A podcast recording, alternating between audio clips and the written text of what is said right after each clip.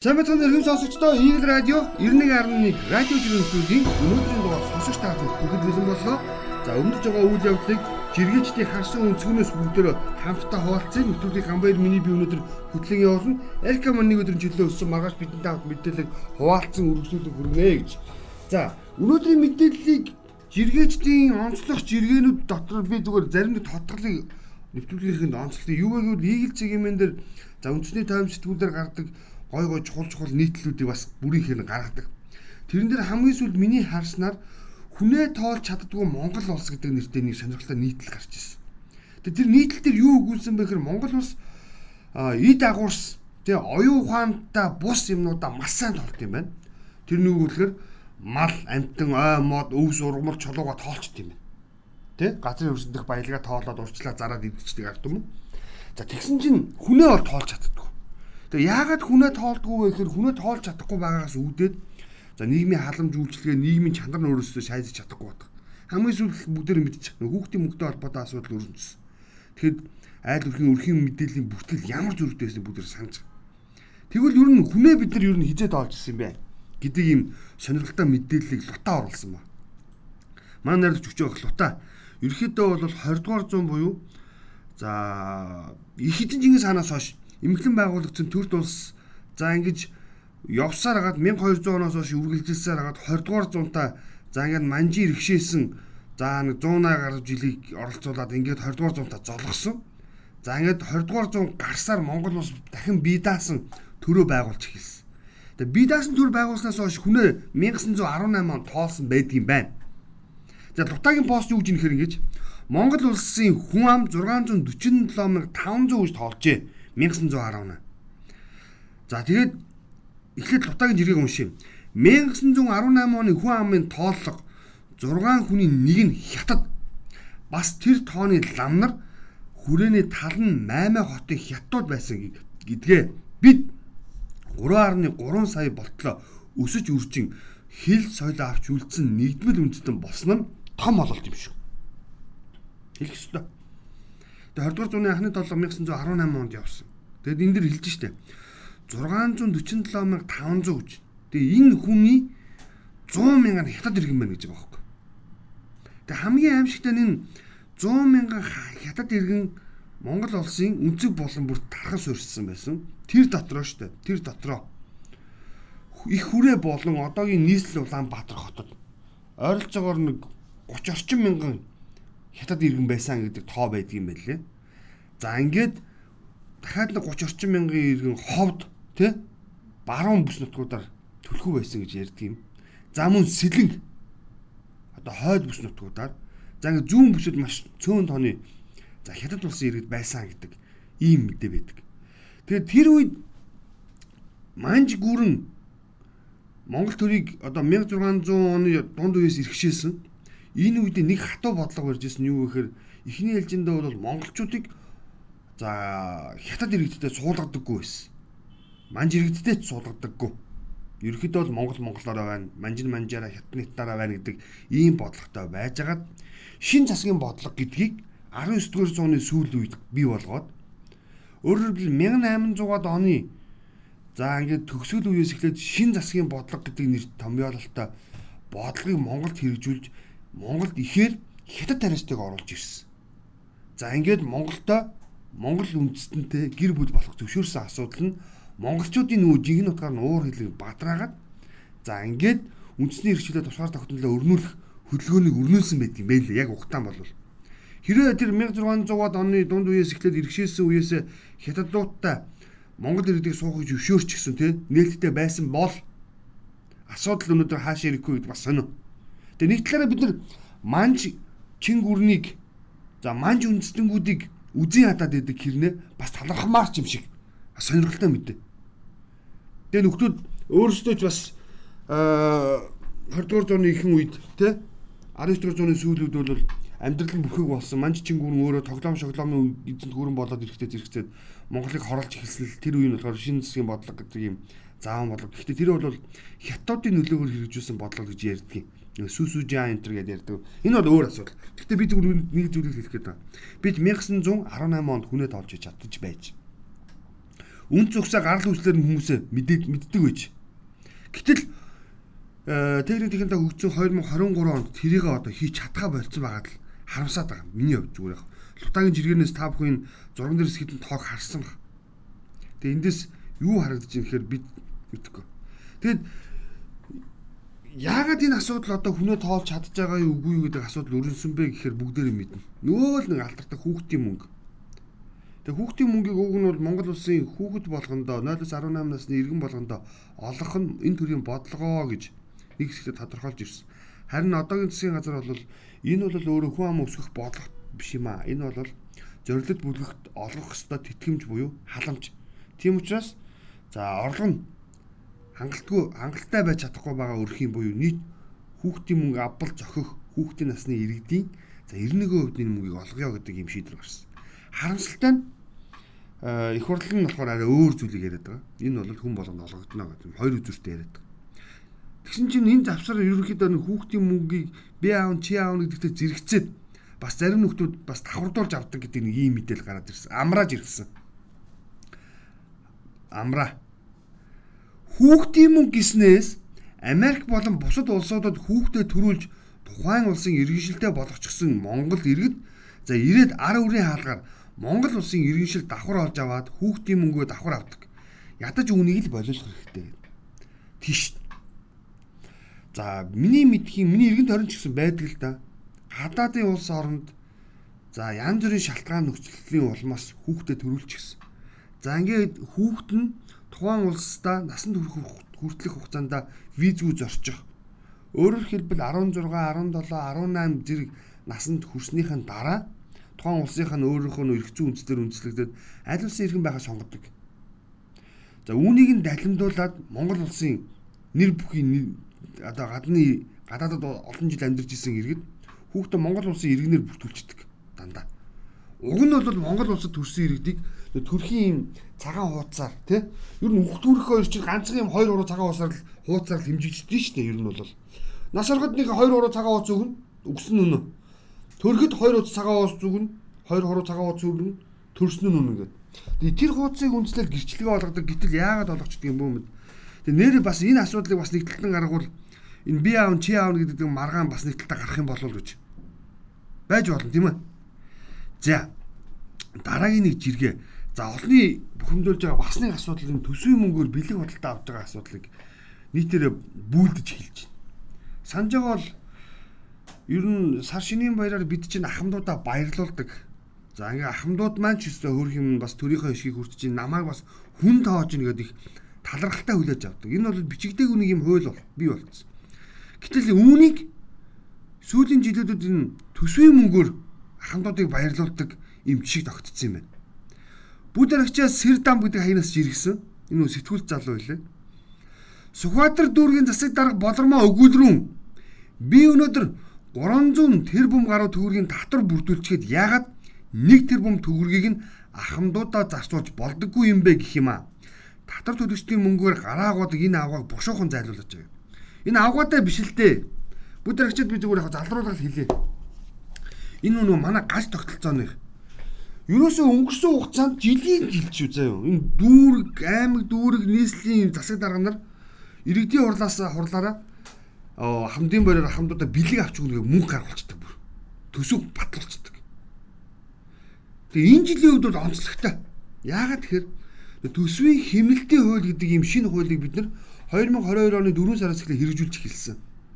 Тэгээ энэ хууль хэрэгжихтэй зэрэгцээд тэр хуулийн зүйл заалт дээр 15-ын 1-ийн 5-ын 1 үлээ 3-ын 1 үлээ гэдэг заалтан дээр нь бүр бичсэн баг. Төсвийн мөнгөөр төсвөө санхүүждэг байгууллага нь ямар нэгэн бэлэг сэлт те дурсгалын судалт авахгүй хоригдсон бүр буцаац. Их чи ингээд дүүргүүд нь уламжлал арга хэмжээ ахмадуудаа баярлахгүй гэдэг ахавтай гэж сууж идэв. Үгүй ээ үгүй үгүй үгүй ингэж болохгүй. Би зүгээр ингэж их тайлбарлана. Таны хүүхдүүд ингээд ажил хөдөлмөр эрхлээд татвар төлж дээ нийгмийн даатгалын шимтгэл бүх төрлийн татвар төлж дээ. Тэгээ энэ татвараа төлөөд авсан татвараар нь танаа аав ээжүүд бэлийг авч өгöd байгаа байхгүй юу? Өөртөө юу ч хийхгүй нэ гэж хэлэх гэж чаа. Тэгээд энэ дүүрэг аймаг нийслэлийн удирдлагууд дандаа ус төрчид шүү дээ. Үнэхээр хамдуудаа хүндэтгэл үзүүлэх, хүн ёсны уламжлалаа бодсон, хүн ёсоо бодсон ийм үйлдэл хийх гээд байгаа юм бол өөрсдийнхөө мөнгөөр те төсвийн бус орлогоор энэ ахмадуудаа баярлуулаач. Тэгвэл энэ чинь харин тэр ахмадуудад баярлаа гэж хэлж байгаа. Ахмадуудаа хүндэтгэж байгаа нэг илэрхийлэл юм шүү. Тэгэхгүй доромжилж байгаа юм шиг хүүхдээс нь авсан мөнгөөр нь аав ээжт нь бэлэг авч өгөхгүй ээ гэж. Хамгийн инээдэнд нь энэ байгаа. Тэгээд би 300 тэрбум төгрөгийн татвар бүрдүүлчихэд 1 тэрбумаар нь яагаад бэлэг авч болдог вэ? Би хүүхдүүдээс чинь 300 тэрбумыг авлаа шүү. Тэр бомыг аав ээж чи буцаагаад өгдөө битээ олон юм яриад гэж байгаа байхгүй. Яах гат гэдэг. Ийм байж болохгүй. Тэгээд энэ дэр бол бүгдээрээ бол дуурч ах хэрэгтэй яхаар Тэгээд ийм нөхцөл байдлаас үүдээд жишээлбэл Чебарошкагийн нэг сонирхолтой жиргээ байна. Чебарошка жиргсэн. Ерөөсөө манай энэ хувийн хөвчлийнхний дунд толгомцох хамгийн том асуудал нэг нь. Ажилчид маань нийгмийн даатгал төлмөөргүй байна гинэ. Хүчээр төлсөөр байдал би ч гэсэн сөхрлөө. Одооноос даалт эдийн засгийн тактикч хилчгээс өөр алга алгаа. Тэгээ яг л хилээд байгаа юм л та. Ер нь бол яг бүгд бичээд байгаа энийг. Ажилчдаа нууц гэрээ байгууллаа л гэж. Чи ингээд яг хав те тайлан дээр бол чи баг цалинтай. Тайлан дээр баг цалинтай. Гэтэ дасан дээр те би чамд өгөхдөө бол өндөрийг өгнөө те. Хоёлаа ингээд явъя. Тэгэхгүй бол би ч их төлж чи ч их төлж гэдэг асуудал үүсдэг. Бодмоор байгаа нэрэн гэсэн. Аж ахуй нэгжүүд өөрсдөө ийм нөхцөл байдалтай дотооддоо үйл ажиллагаа явуулах боломжгүй гэж ирж байгаа ийм нөхцөлд сүүлүүд олонний анхаарлыг бас нэг яриа чигтэлсээд эхэлсэн. Юу гэхээр Монгол иргэдэг бүгд найрамд солонгос улс руу 30 хүртэлх хоногор визгүй зорчуулах нөхцөлийг хоёр талаасаа ярьж байгаа. Нэг талаараа сайн мэдээ. Тэгээ нөгөө талаараа бас бүхэл юм одоо муугийн л төрүүлж харах юм да. 92 улсын хооронд 30 хоногийн хугацаатай визгүй зорчдог болчвол монголчин хүн үлдэх юм уу энэ төр гэл аахан юм явж л да. Тэгээд сэтгэлгээ өөрчлөе гэж баясгалан жиргэж байгаа яг энэ асуудлаар аа баясгалан маш сонирхолтой зүйл хэлсэн. Соо визгүй бол энд баг хүн үлдэхгүй гэсэн юм яриад ах юм аа. Харин ч хоёр улсын хооронд иргэдэн чөлөөтэй яваад бизнес за гадаадын хөрөнгө оруулалт нь ч нэмэгдэнэ. Мөн монголчууд тэнд харлах биш богино хугацаанд ажиллаад Монгол руу ирэх мөнгө урсгалч нэмэгдэнэ. Энд эдийн засагт нэмэр болж иргэдийн амжилга эрс дээшсэн шүү дээ. Тийш яагаад ингэж харж болохгүй юм бэ? Солонгосч бол Солонгосын виз одоо 30 хоногийн визгүй боллоо гэхээр бүгдээр солонгос руу очиад өдөр шингүү тэнд хар ажил хийнэ гэж бодоод байна. Гүү. Сая ирээн хідэн хэсэг хугацаанд хаалттай байхад юу болов бид нэр Турк руу нисээ өстэй. Бод бод бод бод бод Ирээний хог цуглуулдаг байсан бол Европ руу гардаг Турк бараг бид нар чирж ирдэг болсон. Мөн үү? Чи хийн ч гэсэн очиод хар ажил хийгээд байхыг бодохгүй шүү дээ. Бодоод үзтээ. Тэгээд харин ч эсэргээр одоо иргэн хамбаар одоо боломжит хэмжээгээр зээл аваад боломжит хэмжээгээр хөрөнгө оруулалт олоод Солонгосоос бараа бүтээгдэхүүн оруулж зарыг. Тэгээд зарж зарж исэн чинь сүүлдээ нөгөөх нь юу болно шүү дээ. Явхаар ингээд э, тээврийн зардал гараад явгууд нь үйлдвэрлэе гэдэг санаа төрж болно шүү дээ. Тэнгүүд нөгөө нэг солонгос зэрэг үйлдвэрлэх нөхөртэй би ярина шүү дээ. Чи Монгол наад үйлдвэрийг нээчихээ те. Би ажиллуулж байгаа. Гэхдээ эн чинь ийм байхгүй. Түүнээс ингээд бүгдээрээ очиад юу юугүй нөгөө боолны хөдөлмөр ирсэн гэж бити хараад байна. Өөр шүү өөр өөр өөр өөр өөр. Тэгэд энэ дэр би зүгээр бас нэг зориуд Э, мөөгийн жиргээ хэлэх гээд байгаа мөө гэдэг хаягнаас нэг э, жиргээ оруулж ирсэн. Тэгээ солонгос нөхцөл байдал нь ямар байна вэ гэсэн чинь ерөөсөө л хүний эрүүл мэндийн алуурчин болцсон юм байна тэр ороо. Би шууд тэгж хэлмээр санагдсан. Тэгээ мөө өөрөө солонгос байдаг юм байна. Тэгээд сурдаг бололтой. Тэгээ цаг заваараа чөлөөгөөрөө илүү цагаараа гэх юм уу тий. Одоо хар ажил хийдэг юм байна цагийн ажил. Өчтөр орой тэгбэнд гараад гэд. Тэгбэ гэхдээ нь юу гэхээр нэг ачлалтын үйлчлэгээ айл нүүлгдэг те нэг юм том порт руутай яваад энэ тэндийн бараа мараа зөөдөг юм үйлчлэгээ. Тэгээ тэгбэнд гараад орой 19-оос өглөөний 7 хүртэл шүнжин ачаа зөөлөө. Нойргүй явсаар доод цохин хөөх хөөх болчихсон Монгол оюутан залуус битүү байна. Өглөө буугаад 9 цагийн хичээлдээ суун. Орой эргээд гарна. 72 цаг нойргүй явах энүүхэнд л гэж байна алхаж яваад шом өргөө цэрдгэл гэж амир байгаа. Алжин даа нэрэ бид нар. Тэгэд энэ залуучууд яг үнэхээр орлоготой боломжийн мөнгөтэй байсан бол зөвхөн боловсралтай санаа тавих байсан баг.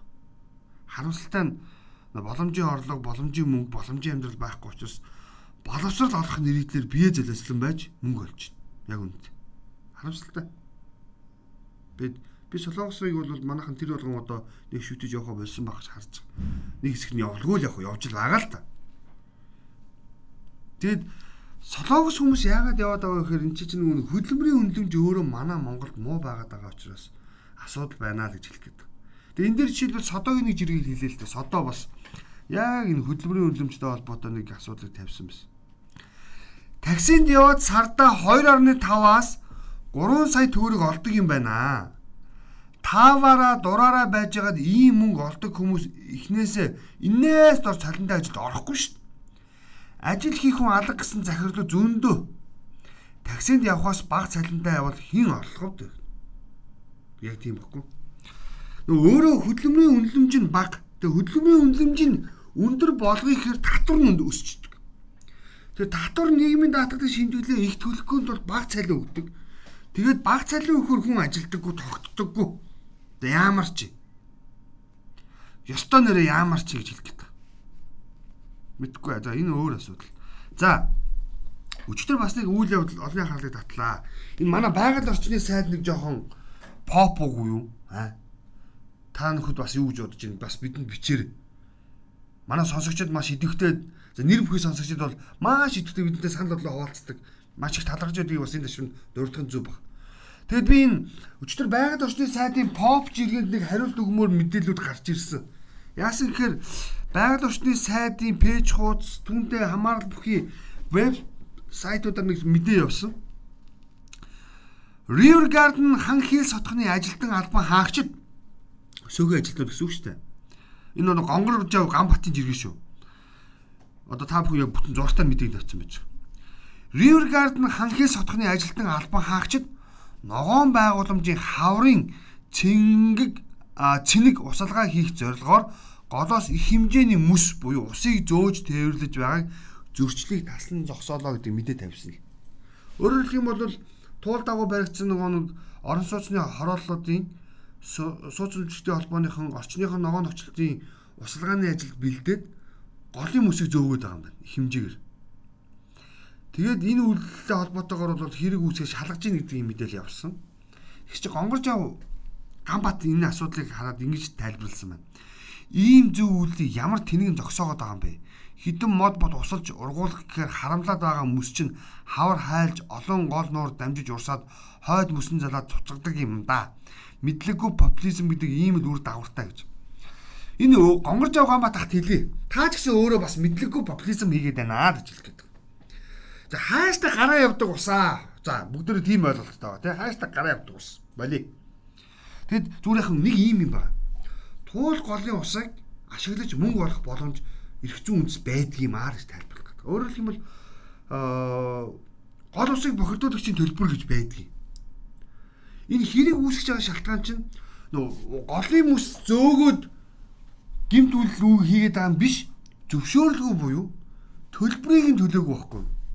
Өөрөөр хэлэх юм бол туул голын сав газрын захиргаа гэдэг нэг юм төрийн статустай байгууллага байдаг. Тэр байгууллагт хандна амрын гэрээ гэдэг ч юм уу те сайн байна уу ч гэдэг юм уу. За манайхын намрын хаврын услгааны ажилдаа зориулаад тэгтээ бид нэр туул голоос одоо энэ хөлдсөн байгаа мөсийг нь аваад хол аваачихгүй яг эрэг дагуу орон сууцны орлогын газрын хөрсөнд нь шингээх буюу өвс ногоон байгууламжийн услаг ажил зарцуулах гэсэн юм аа. Тэ? Метр кубыг нь хэдээр үнэлэх вэ? Ердөө ийм төлбөр тооцооны асуудал юм. Ойлгосноо? Түүнээс одоо усных урсаад явдаг усыг харамлаад байгаа юм биш юм аа. Бүгд айл айл талдаа жоохон поп байя. Түр зүв поп бай. Байгаль орчны сайдын зүв поп баймар байна. Түүнийг хараад шүүмжилж байгаа хүнд зүв поп баймар байна.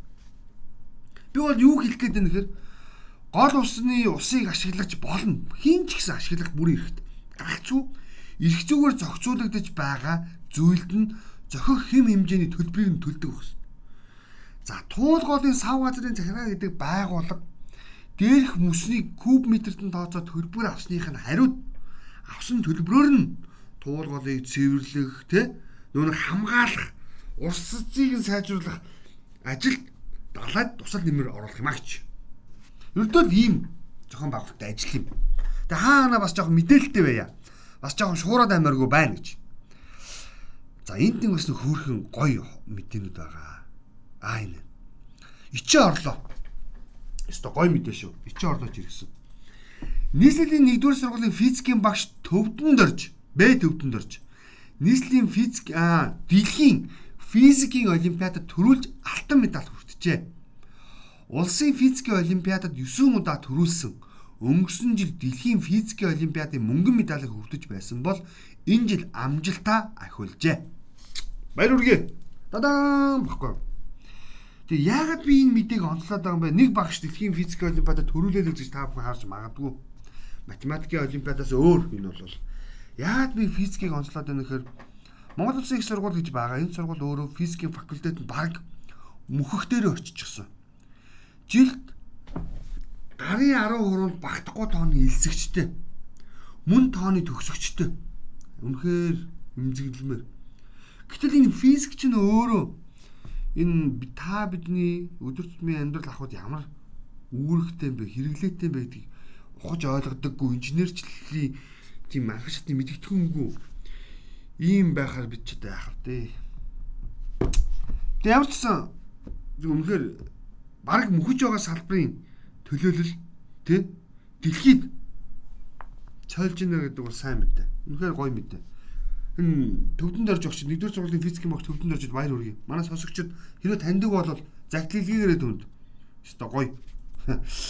За дараагийн бас нэг гоё мэдээ. Энэ болроо уян гэж иргсэн байсан. Э болроо уян гэдэг. Охны маань ангийн багш болоод хүүхдүүд нь ёстой хайр хүргэчихлээ Өнөөдөр шинээр аутизмтай нэг хүү шилжин ирсэн гинэ. Бүгд хайрлаад, найрсаг, гой харилцаж хүлээж авч найзууд болсон чинь нөгөө хүү өдөржингөө жаргалдаа өсөж дэгдэж инээж явсан гинэ. Мондөг. Тэг бид нар нэг ийм нийгмээр ийм хандлагыг бас нэг төлөвшүүлмээр байгаамаа. Нэг хүнтэй харьцуулах одоо аутизмтай хөгж гэдэг юм хөгжлийн бэрхшээлтэй хүний тоогоор бол бид хүн амтаа ажиллах багштай уг нь бол нэг 1500 моо юу илээ нэг ямарч жоохон тоо явдаг. Тэгээ тэрийг ерөнхий боловсролын сургуулиудад хуваагаад хуваарлаад үзвэл тийм өндөр ачаал үүсгэргүй тэгээд бас гадуурхалт бий болоод харгуул нөхцөл байгаад байгаа. Тэгээ харамсалтай нь өнгөрсөн 22-оос 23 оны хичээлийн жилийн намар одоо хичээлийн жил эхлэхтэй холбоотойгоор бас лизер нэг зарим сургууль гарч ирсэн л да. Лизер гарч ирсэн сургууль. Зарим сургууль нь бараг нөгөө сурагч эцэг эхчүүдээсээ төрүүлээд багш нарын төвөгшөөд идэг. Тэ? Хөгжлийн бэрхшээлтэй, магадгүй аутизмтай Тэгээ хөгжлийн бэрхшээлтэй гэдэг маань бол сонсголын болон харааны гэдэг янз бүрийн ийм бэрхшээлүүд байдаг. Үнэхээр одоо нэмэлт одоо нарийн мэрж шаардлагатай бол тусгай хэрэгцээт хүүхдийн сургуульд явуулдаг. Аа тэгээ боломжийн ердийн хүүхдүүдэд суралцах боломжтой нөхцөлтөнд жирийн сургуулиуд хүлээгээд авдаг баймар. Гэтэл зарим сургуулиуд өөрсдөө тий багш нар нь татгалцдаг нэг ийм үзэгдлийн талаар мэдээлжсэн. Тэгээ энэ бол үнэхээр гоё. Тэгээ энэ болрын бичсэн жиргээтэй холбоотойгоор энэ анги хамт олонд баяр хүргэе. Багш нартад нь талархъя. Бид гендер ярьсаар байгаа нэг нэгнийгээ илүү их гадуурхдаг болсон шүү. Бид тэ тэгш байдал гэж ярьсаар байгаа би нөө илүү их гадуурхдаг болсон. Бүгд л адилхан байх хэвээр. Гендер ярьсаар байгаа охтууд нь хүүгүүдэд дээрлэгдэг болчихсон. Охид илүү эрэхтэй мэтэр ойлгуулчихсан хэтэрхий. Асуудал зөндөө шүү. За энд нэг бас нэг жиргээ байна. А энэ мэрэгэн хуульч мэрэгэн өмгөөлөгч мэрэгэн жиргсэн байлаа. Өчигдөр Transparency International гэдэг нэг олон улсын судалгааны байгууллагын төлөөлөл Монгол улсын авилгын индексийг за танилцуулсан олон улсад ярна бид ямар байгаа юм бэ. Тэгсэн чинь 2010 оноос хойш энэ авилгын индекс гэдэг зүйлд Монгол орн жигсэж ирсэн юм байна. Тэгээ 2010 онд бол Монгол улс авилгын индексээр дэлхийн улс орнуудаас 116-ад орж иж ирэмблэгдэж байж тэгвэл 22 онд буюу өнгөрсөн онд мөн л 116-ад ирэмблэгдэж өөрөөр хэлбэл бид энэ байрнаас хөдөлсөнгүй л гэж хэл. Тэг чи үгүй юм байна. Өөрөөр хэлбэл бид 2010 онд руу ирээд очижээ гэсэн үг юм байна. Яагаад гэсэн чинь 2010 оноос хойш 11, 12, 13, 14 гэл ингээд явсаар гад 22 он хүртэлх хугацаанд бид хамгийн доотлол нь буюу авилгын индексээ за 72-оор орж ирэмблүүлж байж ахиулсан байна. Тэгээ түүнээс хойш бол хамгийн өндөр нь бол 120-д орж исэн удаа байдаг юм байна 2011 онд. Тэгэд энэ энэ авилгын индексийн шатлал ингээд жил болгон өөрчлөгдөж байгаатай холбоотой маш олон жиргэнүүд нийгэмд гарч ийн л да. Тэгээд бид хин засгалж байгаас хамаарат авилгын хэмжээ ингэж өсөж чинь ингэж буурч чинь гэж өөртөө бичээд үгүй л дээ. Бид энэ онуудад авилгаа төдий чинээр нууж чадаж байж л гэж би хэлэх гээд байгаа. Түүнээс нэг сайн засаглал тухайн үед гарч ирээд авилга нь буураад ирсэн болов уу гэж би бол бодохгүй байна. Яг үнэнд.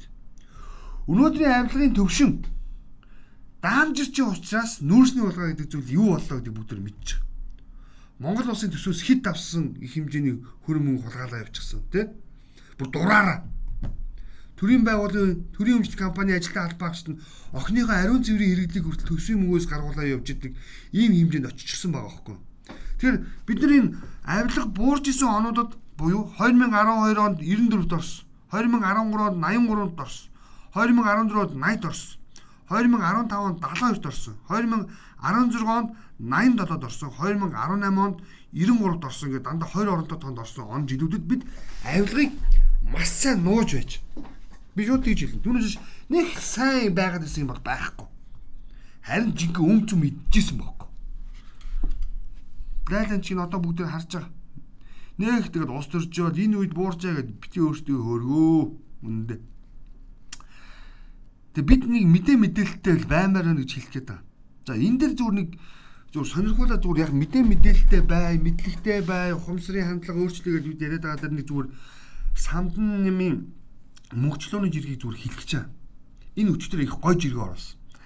Дансанд гинэт 8 сая 200 мянган мөнгө ороод ирсэн байх нь гайхаад лавлаж хартал нөөтийн буцаа ололт орсон ажээ гэж ирсэн. Өө доор нь ёс. Байр аваа, машин аваа ёстой нөө одооны хүүхдүүдийн нэрнчлэр лааж ийна. Тэгээд тэгсэн чинь цөөн нэрнүүд орж ирсэн.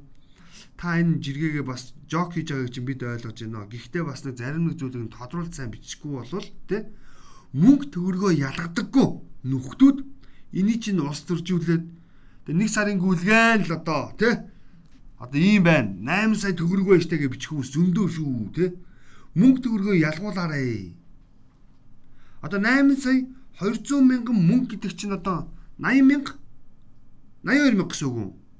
Тий 82 мянган төгрөг гэсэн үг баггүй юу? 82 мянган төгрөг чинь ойролцоогоор 400 орчим мянган төгрөгийн худалдаа авалт шүү дээ. Тэ? Зүг биз дээ. Би зүг бодож байна уу? За мэдгүй. Тоондоо сайн хүмүүс нь гаргаарай. Би бол тийж харж байна. 400 гаруй мянган төгрөгийн худалдаа авалт. Энд чинь удирлын шүү дээ нэр. Сарын биш шүү дээ. Удирлын худалдаа авалтны 400 гаруй мянган төгрөг байж. За ингээд түүний нөөтийн буцаа олголт нь 2%-гээ тооцоод үзэх юм бол за 8 сая 200 мянган мөнгө буюу 82 мянган төгрөг байжээ. 82 мянган төгрөг шүү. 82 к шүү. Тэгэхгүй бол манай энэ тэгээд үнэхээр яг тийм байхгүй. Яг үнийг фүү аа нөөтөр 80 сая төгрөг 8 сая төгрөг авлаа гэд цуурах нөхөд гарч ирнэ шүү. Тэгэхээр ер нь зүгээр хийн ч гэсэн бас хэлэх гээд манай сонсогчид өөрсдөө бас ямар нэгэн мэдээллийг авахдаа жоохон шүүлтүүртэй харж байгаарай. Тэ? Мэдлэгтэй мэдээлэлтэй байгаарай гэж. За дараагийн нэг жиргээ нь монголчуудын хандлагыг өөрчлөе гэдэг хандагийн гой жиргээ байгаа шүү. Энэ хандаа өстой гой жиргээ би бүр таалагдсан. Би ч өөрөө энийг ийм төрлийн хүн өөрөө. Тэг яасан гэж надад бол хэрэг болохоор л холбоо барьдаг хүмүүс зүгээр санагддгийг шүү. Би огт эмзэгэлдэггүй. Харин ч амар хүмүүс хийх юмгүй байгааш өдөр шөнөгүй хэрэгтэй хэрэггүй юм ярьдгаа бол ярьдгаас бол эсэргээрээ төвхтөн штеп. Тийш. Басгаар юу байна? Сайн уу ойрд ярьсангүй шилчээс лайдаг. Тэгэл худлаа ярьж байхгүй байвал амар ш доо тэгэхгүй байж л хаяаны залгаж юм юм асахгүй. Оо хэрэг болохоор л ярьж гин үү өнтер гэд. Угаасаа л тэгэн штеп. Өөр яах гэж ярих юм. Нэг тийм нэг жоохон тийм материал тэмтэй.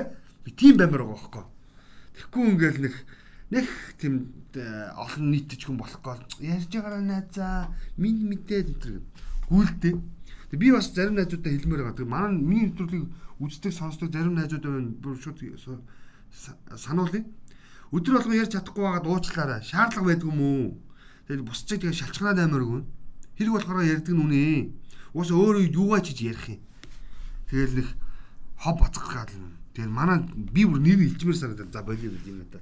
Манай ганц нэг найз би аа ингээд ярихгүй нэг жоох удаал 7 молоо онцгоор хамраа занг. Нөө тийм. Яг хөө мань яг ингээд ядраал тэ баг нэг алфтай юм шиг амьдраад байгаа юм шиг яриад байдаг байхгүй. Үгүй яа хэвтэй тэгээд одоо заавал минь тус мэдээж талд суулчлах гадаад юм уу яах гадаад мэдхгүй тэгээд гүү хэрэг болохоор ярина. Энэ бол бидний зан энэ хийнд хамар байдгийн шүү. Хиндэ хийнийхэн одоо цагаас хомслохгүй хийнийхэн таригдахаа ажиллахгүй амар байдгийн шүү. Хэрэгтэй үедээ хэрэгтэй бай. Хэрэггүй үед нь хол бай. Тэгээ болоо. Үнэн биз дээ? Ха? За. За энэ Батолдын нэг гой жирэг. Оо тань мэд хэнийг ч мартцсан шүү дээ. Батолж иргэсэн нэг зураг оруулсан. Энэ эртний бүр нэг юм зураг оруулсан. Би ингээ харлаа ингээд олгоо үлээгээ тавьчихсан юм юу ингээ. Тэгээд ингээд уншлаа. 110 жилийн өмнө хэрглэж байсан бэлгэвч гинэ. Ер нь бэлгэвч хизээ өссөн байт юм гэж. Тэгээ уншлаа. Үгүй нэрэ тийш тэгээд. Тэгсэн чи бэлгэвч чи по юу энэ орчин үеийн хувьсгал техник технологи өстой алт юм. 1500-аад оноос явж байна. Зарим түүхийн сурвалж хүчигт 1100-аад он гэсэн ийм зүйлс байдаг гэж юм шүү. Энэ яадаг вэ гэхээр тухайн үеийн ихэс дээдсийн цусыг цэвэр байлгах гэсэн. Хаа хамаагүй хүүхэд хийлгээд байх гараагүй. Өөрөөр хэлэх юм бол нэг татвар юмс олон байна шүү дээ, тийм. Тэнгүүд нь бөөн ухсаа залгамжлагч нар гараад ирнэ. Тэгээ хоорондоо алдах гэдэг шүү дээ. Эсвэл би нэг ухаад эсвэл аавгаа ухаад хаан болчих гэдэг шүү дээ. Би ч хааны удмын хүн гэж гарч ирэх гэдэг. Хааны цус миний гар уурч чинь гэдэг. Тэгээ тийм юмнаас сэргийлээд нөхдүүд бэлгэвчийг анх бий болгож ирсэн юм байна. Тэгээд ихэвчлэн сурвалжчүүд дээр Египтийн фараонуудаас үүдэлтэй гэж явдаг юм байна. Тэр нэг фараонууд ч заварсан шүү дээ. Та бүхэн бас манай үүх дүүх мэддэг зарим хүмүүс мэддэг баг. Игчдүүнэр сүлдээ хоорондоо суу заварсан. Цусаа цэвэрлэн ариун байлгана. Тэр нэг хааны удмын цас харцад очиж болохгүй учраас тэр нөхдүүд бас мэдээж гой хүүхэн харуул бас хүн л болсон хүсэл тачаалал дөрдөг байлгүй. Тэгээд янз бүрийн асуудал үүсгэн гут нөө бэлгэвч хийхийг санал болгодог юм байна. Үрийн шигний жингихгүй баг. Тэн чинь бүр ясцаараа даавнаас үүдэлтэй байдаг юм биш үү? Даавгаар хэлж исэн байдаг юм байна. Тэгээд хамгийн одоо орчин үеийг болж ирсэн хувилбар нь Францаас 1600 1700-аад оны үеэс Францад нэглэн идэвхтэй хэрэгжилж эхэлсэн. Яагаад тэгэхээр Францын ноёдууд бол завхаагаараа алдартай. Бүгдээрээ мэднэ. Одоо ч гэсэн Франц бол зүгээр нэрийг танихгүйж оронд орсныхаа дараа нэрийг мэдлэлцдэг гэдэг юм хошин яриа бий. Тэгээд яг ийм агуулгаар нь бас энэ бэлгэвч юм үүх төх гарч ирсэн. Тэгээд бэлгэвч энэ одоогийн хэв маяг руугаа буюу эрзэн гэж байгаа шүү дээ. Пластер гэх юм одоо одоо бүр янз л та. Одоо бүр тэр чин товроотой өнөртэй танартай гэдэг бүр бараг л хүссэн хэлбэртэй янз бүр байгаа. Тэгээд тэрний хөгжлийг бол би ярьж гүцэх. Зүгээр хүүхд үг ярихаас юм л Goodyear гэдэг нэг дугуйн үйлдвэрлэгч компани байдаг те автомашины. Энэ компани ч 1800-аад оны сүүл үед 1890-ад онд хамраар гаргаад ирсэн байлээ шүү. Хамгийн сонирхолтой. Хамгийн нэмгийн хамраар хийжсэн гэдэг ийм мэдээлэл байна лээ. Тэгээд ямар ч байсан бэлгэвчний үгдүүг бол ийм байдаг юм байлээ. Сонин содон гэх юм бол. Тэгээ мэдхэд илүүдэхгүй. Тэгээ бэлгэвч яагаад хэрэгтэй вэ гэдэг дээр бол маш олон мэдээлэлүүд байгаа. Мэдээч хэрэг нэгдүгürt нь элдэв нэр төрлийн за арьс өнгөний өвчлөөс сэргийлнэ. Үүнээс цаашаа бүгдээр мэднэ. Ийм л учиртай байна л шүү. За Ой, цаг амар явцсан. За төгсгөл ганцхан жиргээ явчих. Мишелийн жиргээ. Би зүгээр эмгтээчүүдэд л зориулж хилдэг ер нь хилцээрч ирсэн. Тэгээд хүүхнүүд ер нь гэхдээ бахан нэг зүйл үнэлтэй үргэлж эхнэрийн зөв гэдгийг бол би ойлгож байгаа. Байгаа. Гэхдээ эхнэрүүд бол жоохон давруу тийм янз бүрийн байгааг бүгдээрээ өнгөрсөн хугацаанд янз бүрээр ярьцсан бас өхөөртсөн, шүүмжилсэн, өгөөдсөн. Тэгэд өнөөдөр зүгээр Мишелийн нэг сонирхолтой жиргэг хэлэх гээд. Уучлаарай хажуудах эрэгтэйг нэг анзаараад хараарай. Хүүхэд шиг болж гин үү? Чөтгөр шиг болж гин үү? Таны бүтээсэн л хүн шүү гэж. Тэгээ би бодсон би өөрөө юу лээ. Тэгээ бодоод чи би чинь баг хүүхэд шиг болоод байгаа болов уу гэж. Тэгээ юу н бас өмнө хэлжсэн үгээ эцэслэн хэлээ. Тэгээ эмэгтэйчүүдтэй эхнэрүүдтэй хэлээ. Аа бүсгүүчүүдтэй л эрэгтэй хүн ер нь бол нэг тайвартлаа жоох ийц. Тэгээл гайгүй. За өнөөдрийн дугаарыг өндөрлөе. Бидний хамтаас ирэх хүмүүст та бүхэндээ маш их баярлалаа. Дараагийн дугаараар илүү олон мэдээлэл дэргүү болж байна. Баяр та.